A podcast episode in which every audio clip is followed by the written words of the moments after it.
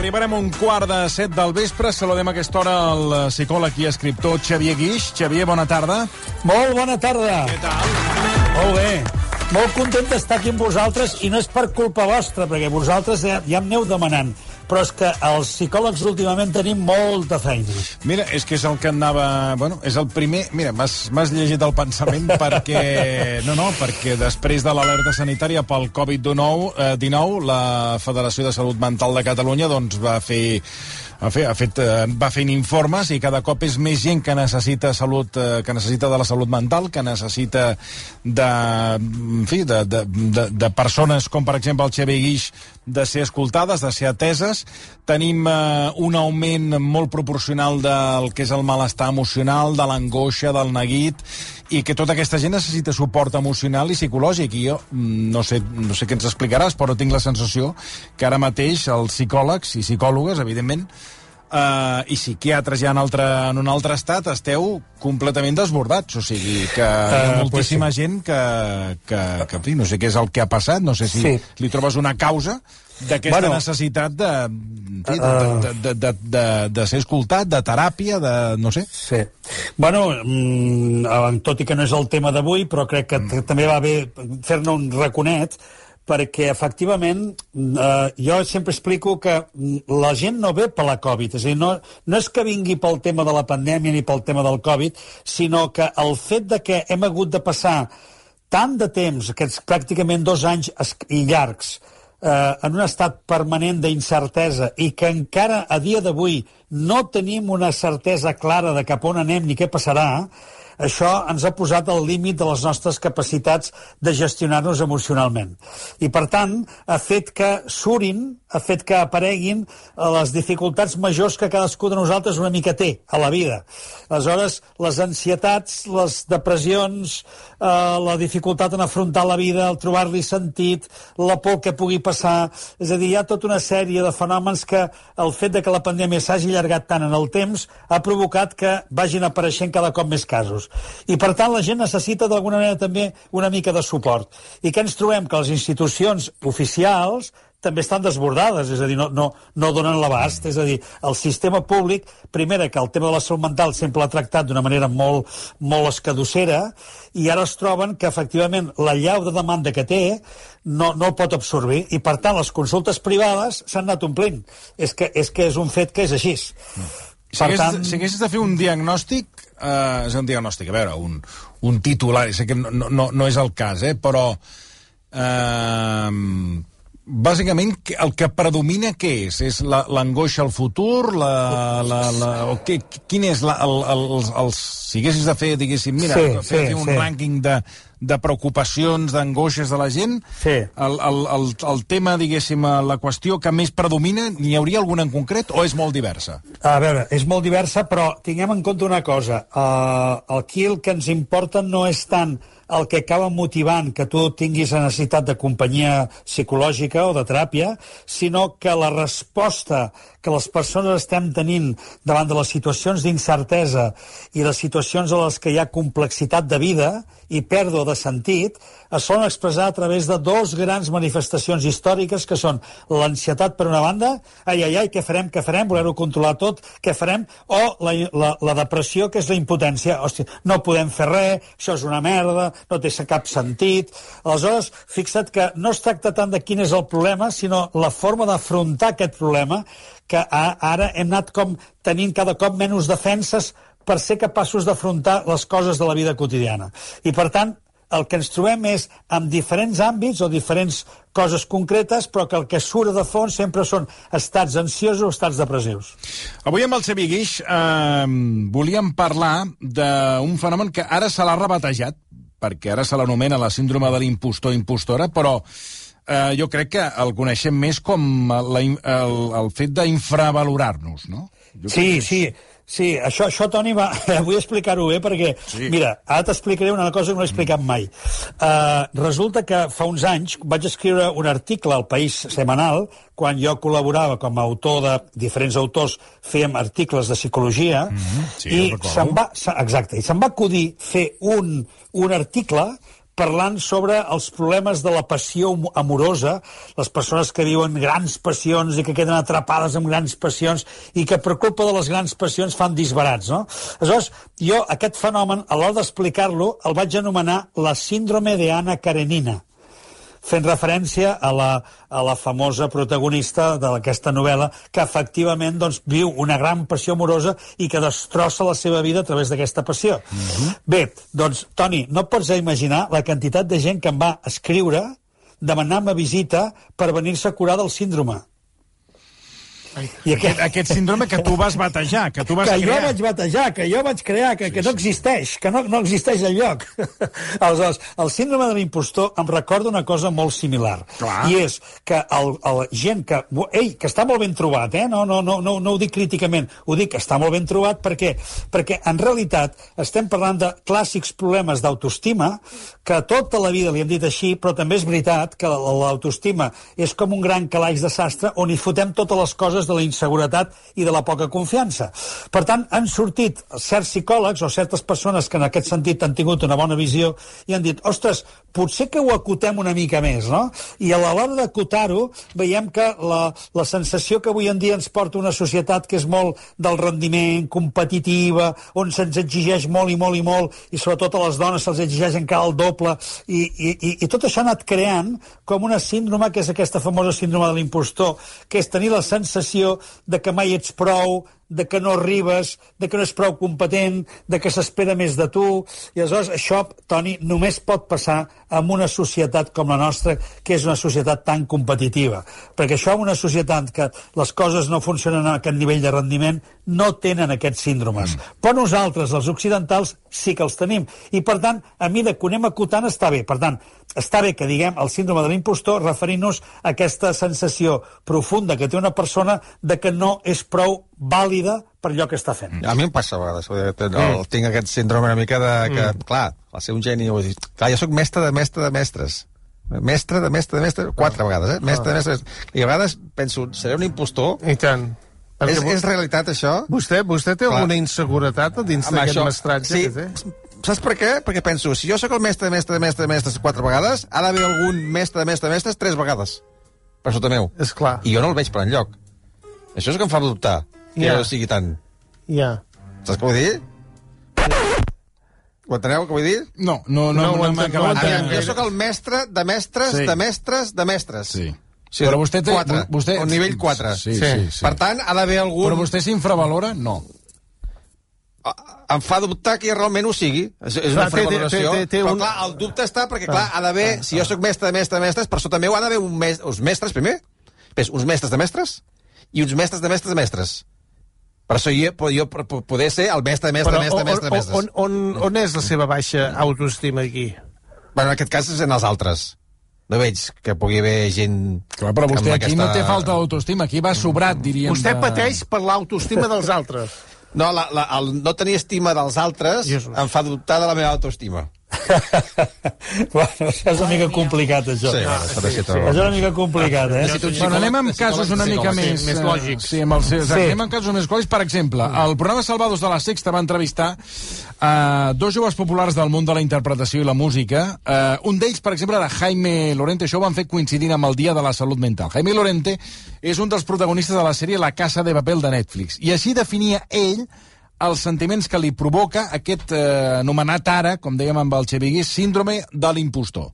Yo el miedo a, a no sentirme querido, a no sentirme reconocido, a no sentirme válido, a no dar la talla, a, a fallar, claro.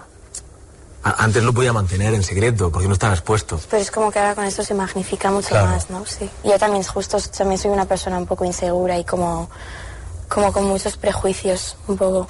Veo que coincidís los dos en lo que se llama el síndrome del impostor. Sí, sí, sí. Sí. No soy lo suficiente, es la frase que más me he repetido en mi vida. Sí. No soy lo suficiente. Para, para, también para con los amigos, para con la familia, para con el trabajo, no soy lo suficiente. Escoltàvem també a la a Maya Romero, que després l'escoltarem en un altre document. Uh, no sí. soy lo suficiente... Uh, sí. La pregunta, Xavier, això és man manca d'autoestima o, o què és el que passa amb aquesta no, dinàmica de no soy lo clar, suficiente? Clar, però fixa't una cosa. El bo del cas és que ho diuen, i jo crec que amb això la gent ens ajudarà molt a entendre-ho, ho diuen persones que de cop i volta, que tot d'una, se senten l'ull de l'huracà, és a dir, se senten observades per la resta de la gent.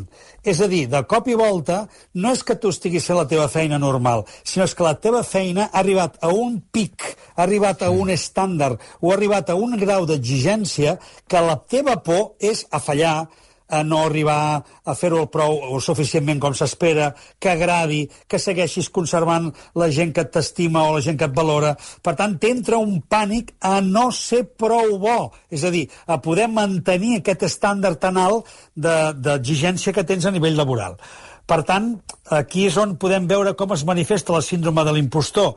En tant que arribo a certes quotes o certs estàndards en els quals ja sóc valorat pels altres, mentre el pànic de no ser prou bo. I escolta, vosaltres ho patiu aquí al, vostre programa i tots els programes de la ràdio patiu el síndrome de l'impostor cada vegada que venen els, els EGM. Mira, la setmana que ve. La setmana que ve, oh, clar, dimarts que ve patirem ja. la síndrome de l'impostor. Ja, una altra, sí, exacte. una altra vegada, la comèdia, el basquem, el rotllo del matí i tot allò. Sí.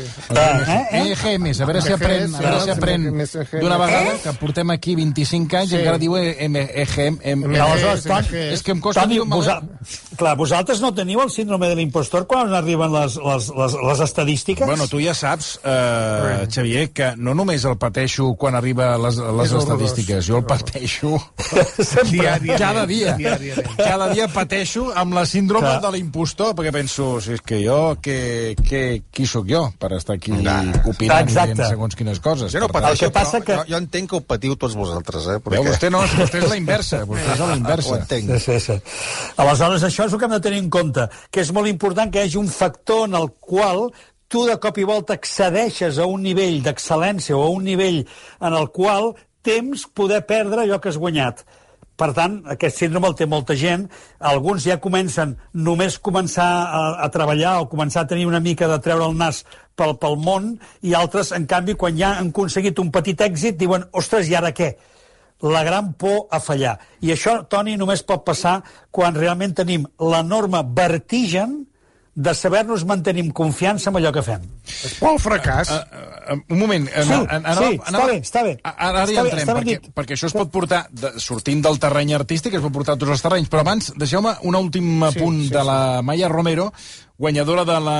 Aquesta va ser la novena edició d'Operació Triunf, que va participar al Festival d'Eurovisió el 2018, i també va intervenir en el Salvados i va explicar que li, què és el que li succeïa quan anava a l'estudi a gravar amb altres músics. Ahora ya es algo que creo que he mejorado, he trabajado un poco en ese sentido, pero por ejemplo cuando iba al estudio, que yo pues he quedado para, pues, con, para componer con artistas que a mí me gustan, o siempre era como yo me sentirme muy pequeña, como ves que no, o sea, exacto, que, como que se dieran cuenta cómo soy realmente y que, o sea, bueno, realmente no, que a ver, que, que yo también, que creo que se me da bien la música, pero... Se da muy bien, ya te lo digo sí, yo, pero... se da muy bien. a ti también, Jaime, a ti también se te da genial. Pero, pero sí, era como que, me, como que de repente mucho miedo a decepcionar sí. y como a, no sé, a que sí, a que, a que, a que se dieran cuenta de que no, de que no valgo, que no... ¿Y eso os pasaba solo a vosotros o era algo general? pues en el elenco de la Casa de Papel o entre los compañeros que estuvisteis en la academia? Yo creo que en mi profesión eh, se forran con nosotros. Tengo muchos compañeros ya, y compañeras que, que, van al psicólogo y, y, es fácil, ¿eh? Creo que es algo bastante común, pero sí que es verdad que yo, mm, actores y actrices de mi generación, hablamos con más libertad del asunto. Bueno, ja veig, ara ja entenc perquè el Xavier Guix té l'agenda plena. Mm. Exacte. Home, el que acaben de dir ells dos, eh, tant Exacte. el Jaime Lorente com la Maia, no?, que necessiten ajuda. Clar, claro. eh... Però fixa't que la, la Maia ha dit una cosa molt interessant, que ha fet referència a dir eh, és que temo que me vean como soy. Aleshores, aquest temo que me vean como soy és un clàssic en la literatura de l'autoestima, que és el que ens fa més por als humans és que ens coneguin com som. Per què? Perquè representa que d'alguna manera hi ha aspectes de nosaltres que no ens agradaria que ens veiéssim com som. Aleshores, això sempre ho, ho procurem amagar, sempre procurem que eh, ho, ho vestim darrere d'un personatge fastuós, però què passa si jo vaig pel món pensant, ai, ai, ai, que si em veuen les meves inseguretats, que si em veuen les meves pors, que si em veuen el que passo per dintre, no agradaré, decepcionaré, quedaré malament, no em voldran més. I aleshores aquest conjunt de coses que tota la vida li hem dit l'autoestima són les que ara les situem dintre de l'àmbit de, del síndrome de l'impostor. I això com, és a dir, com, com pots treballar per revertir aquesta situació? Ah, efectivament, doncs, com que parlem d'un tema de seguretat i de confiança, has de començar a recuperar la capacitat primera. No comparar-te, no comencis amb les comparacions. Tu ets únic, ets singular, ets particular, i per tant, tu has d'observar com tu progressivament has anat assolint i has anat aconseguint les coses que has aconseguit. Per tant, no posis l'atenció en els altres, no posis l'atenció en el que se suposa que estan esperant, sinó posa'l en el que tu has anat aconseguint d'ençà que vas començar. I, per tant, en aquí, Toni, per exemple, vosaltres podeu lluir de dir, mira, nosaltres podem tenir molt síndrome que vulguis, però a dia d'avui continuem sent, i cada vegada continuem sent, i des de fa molts anys som el programa líder de la tarda a Catalunya. Per tant, escolta'm, valorem i donem-li força i confiança al fet de que ens hem mantingut durant tot aquest temps alguna cosa devem estar fent bé. Aleshores, quan comencem a pensar en què era que està fent bé, és quan començo a posar l'atenció en aquelles coses que realment són la meva competència, aquelles coses que jo sé, eh, tinc en domini, que són coses positives que jo faig. Per tant, deixo d'estar mirant les coses que em falten i em poso a mirar les coses que tinc, que són les que ens interessen.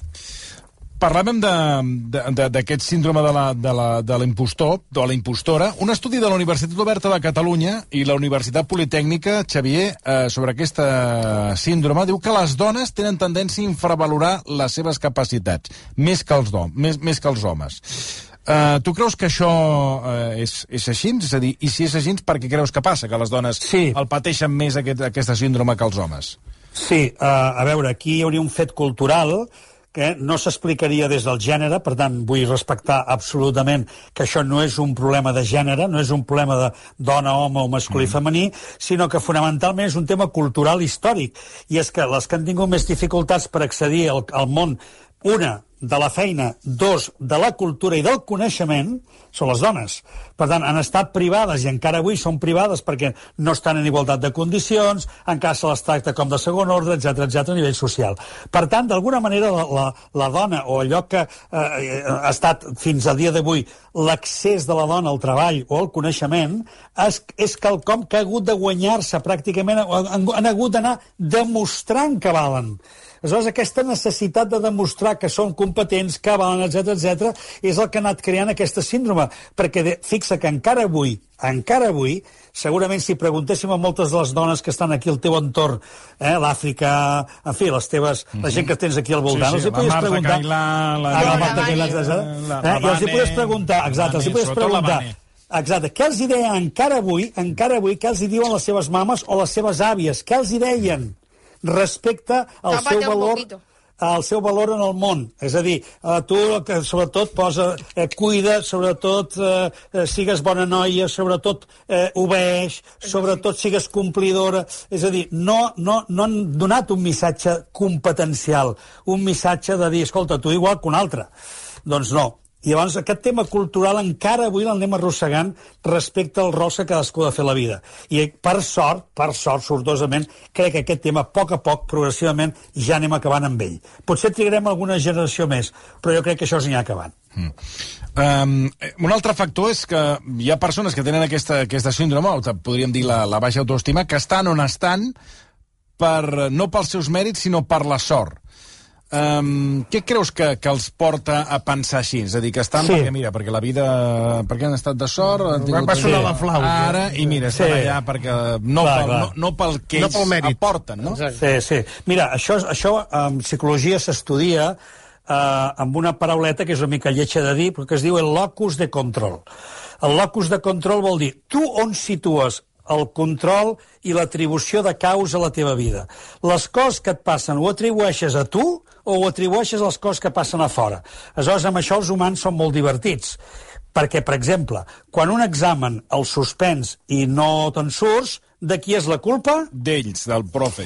I quan tu les coses surten de conya i has aprovat el, el màxim... Jo, perquè he estudiat. Però això, això ho podem traslladar a un, programa, a, a un programa de tele. Exacte. Que això un dia, l'Albert Rubio, que va ser director de 8TV, un dia eh, va fer aquesta reflexió i vaig dir, mm, bueno, no et falta part de raó, no estava del tot d'acord amb ell, però per què em va dir? Vosaltres feu una cosa, quan el programa funciona i té èxit, el programa eh, és el vostre programa i té èxit quan el programa no funciona, la culpa és que està mal programat, mm. no ens l'heu cuidat, no sí. ens l'heu promocionat, però Exacte. no, no mm, us costa a, a mirar assumir, eh? a assumir que el programa pues, no funciona. El programa no funciona i, i, i les excuses no poden ser que si està mal programat, que si no està promocionat, que si, okay, exacte. que si l'horari no és el bo, que si... No, el programa exacte. funciona o no funciona. Un altre, que, un altre que també sempre rep, saps qui és? El Murphy culpa del Murphy culpa de la llei del Murphy. Quan bueno, escolta, cosa malament... Tipus, s'ha de fer aquest tipus d'intervencions... Eh? Eh, Va, aleshores, Toni, ara agafem aquest exemple que estàvem posant i ara donem-li la volta. Mm. Hi han persones que en lloc de valorar quan les coses els hi surten bé com pròpies, mm. fan tot el contrari. Per exemple, te'n vas a fer una arrossada amb uns amics, et menges arròs i dius, escolta'm, aquest arròs està de meravella, que bé que cuines, i què et diuen? Bueno, avui deu ser, no sé, m'ha sortit mm. casualment... Ha estat de sorra, avui mira, m'ha sortit bé. M'ha sortit bé, no sé què ha passat avui, sí, no sé què ha passat. Ja se sap l'arròs, sí. I llavors, fixa't, les persones són aquestes que fan al revés. Quan les coses surten bé, és casualitat. I quan surten malament, què fan? La culpa és meva. Per tant, eh, tot és aquest joc, aquest locus de control que en diem l'atribució de causa. La causa on està, dintre sí, però, o però, fora? Perdona, Xavier, però aquí hi ha una cosa que queda molt malament. És a dir, amb l'arròs, eh? O sigui, suposem que l'arròs queda bé. I tu dius, bueno, hosti, t'ha quedat molt bé l'arròs. Sí. I tu dius, sí, sí perquè, perquè em queda bé.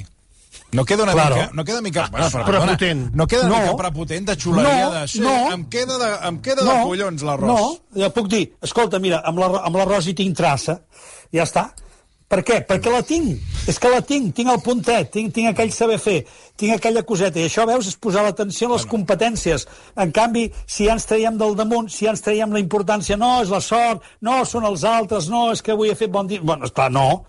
O sigui, aleshores, no. quan em diguin, escolta, m'agrada molt el teu mm. programa, què he de dir? És la, és la, és, tinc traça. Sí. Sí, senyor. Sí, senyor, és que tinc la mà trencada en fer programes de tarda, collons. Ai, senyor.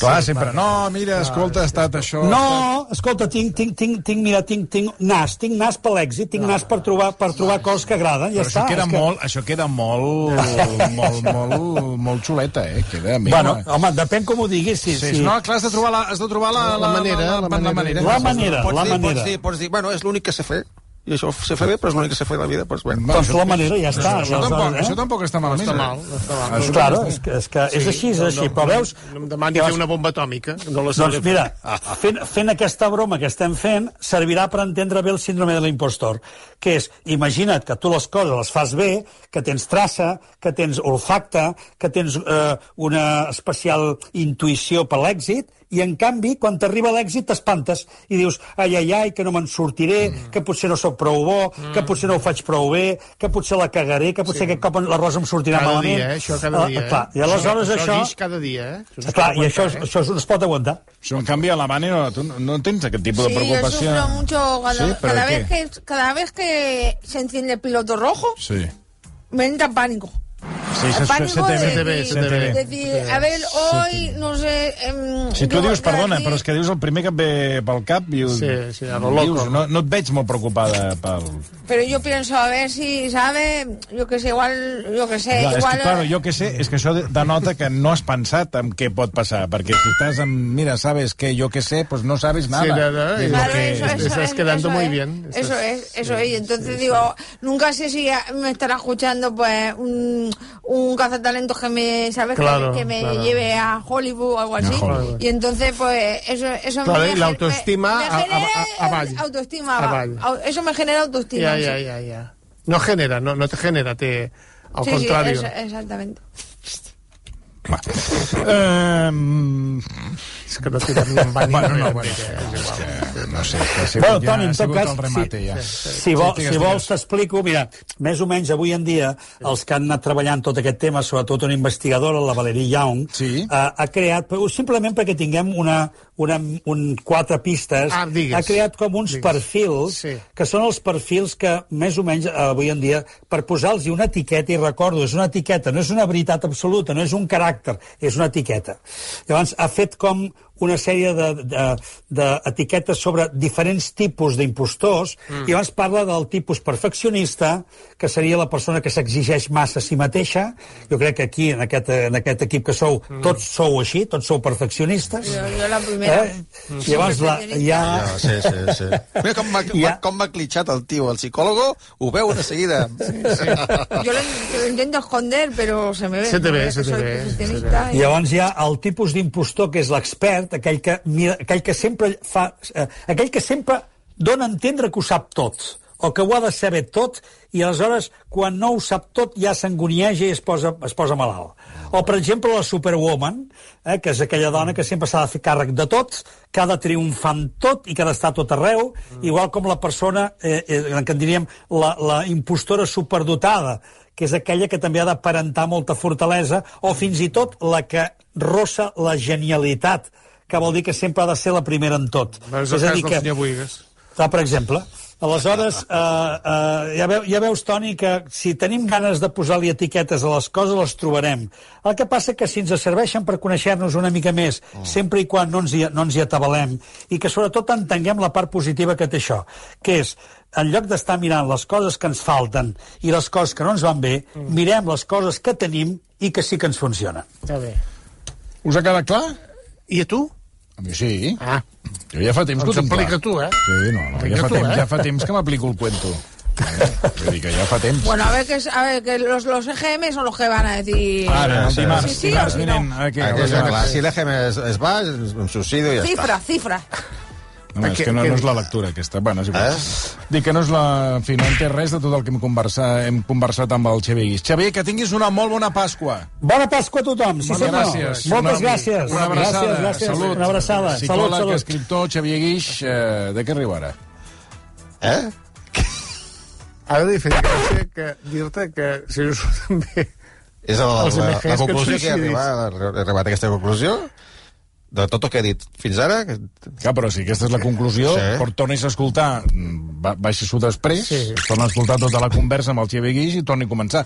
Perquè és que, és, que, és que aleshores tota aquesta conversa des de les 6 no ha servit per res. Jo ja he arribat a aquesta conclusió. Jo, jo, jo ho he dit i ho faré. Sí, i tant. Si no som líders, suïcidi.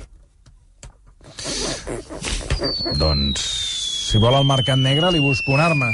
Ah, val, val, per anar més ràpid. Versió RAC 1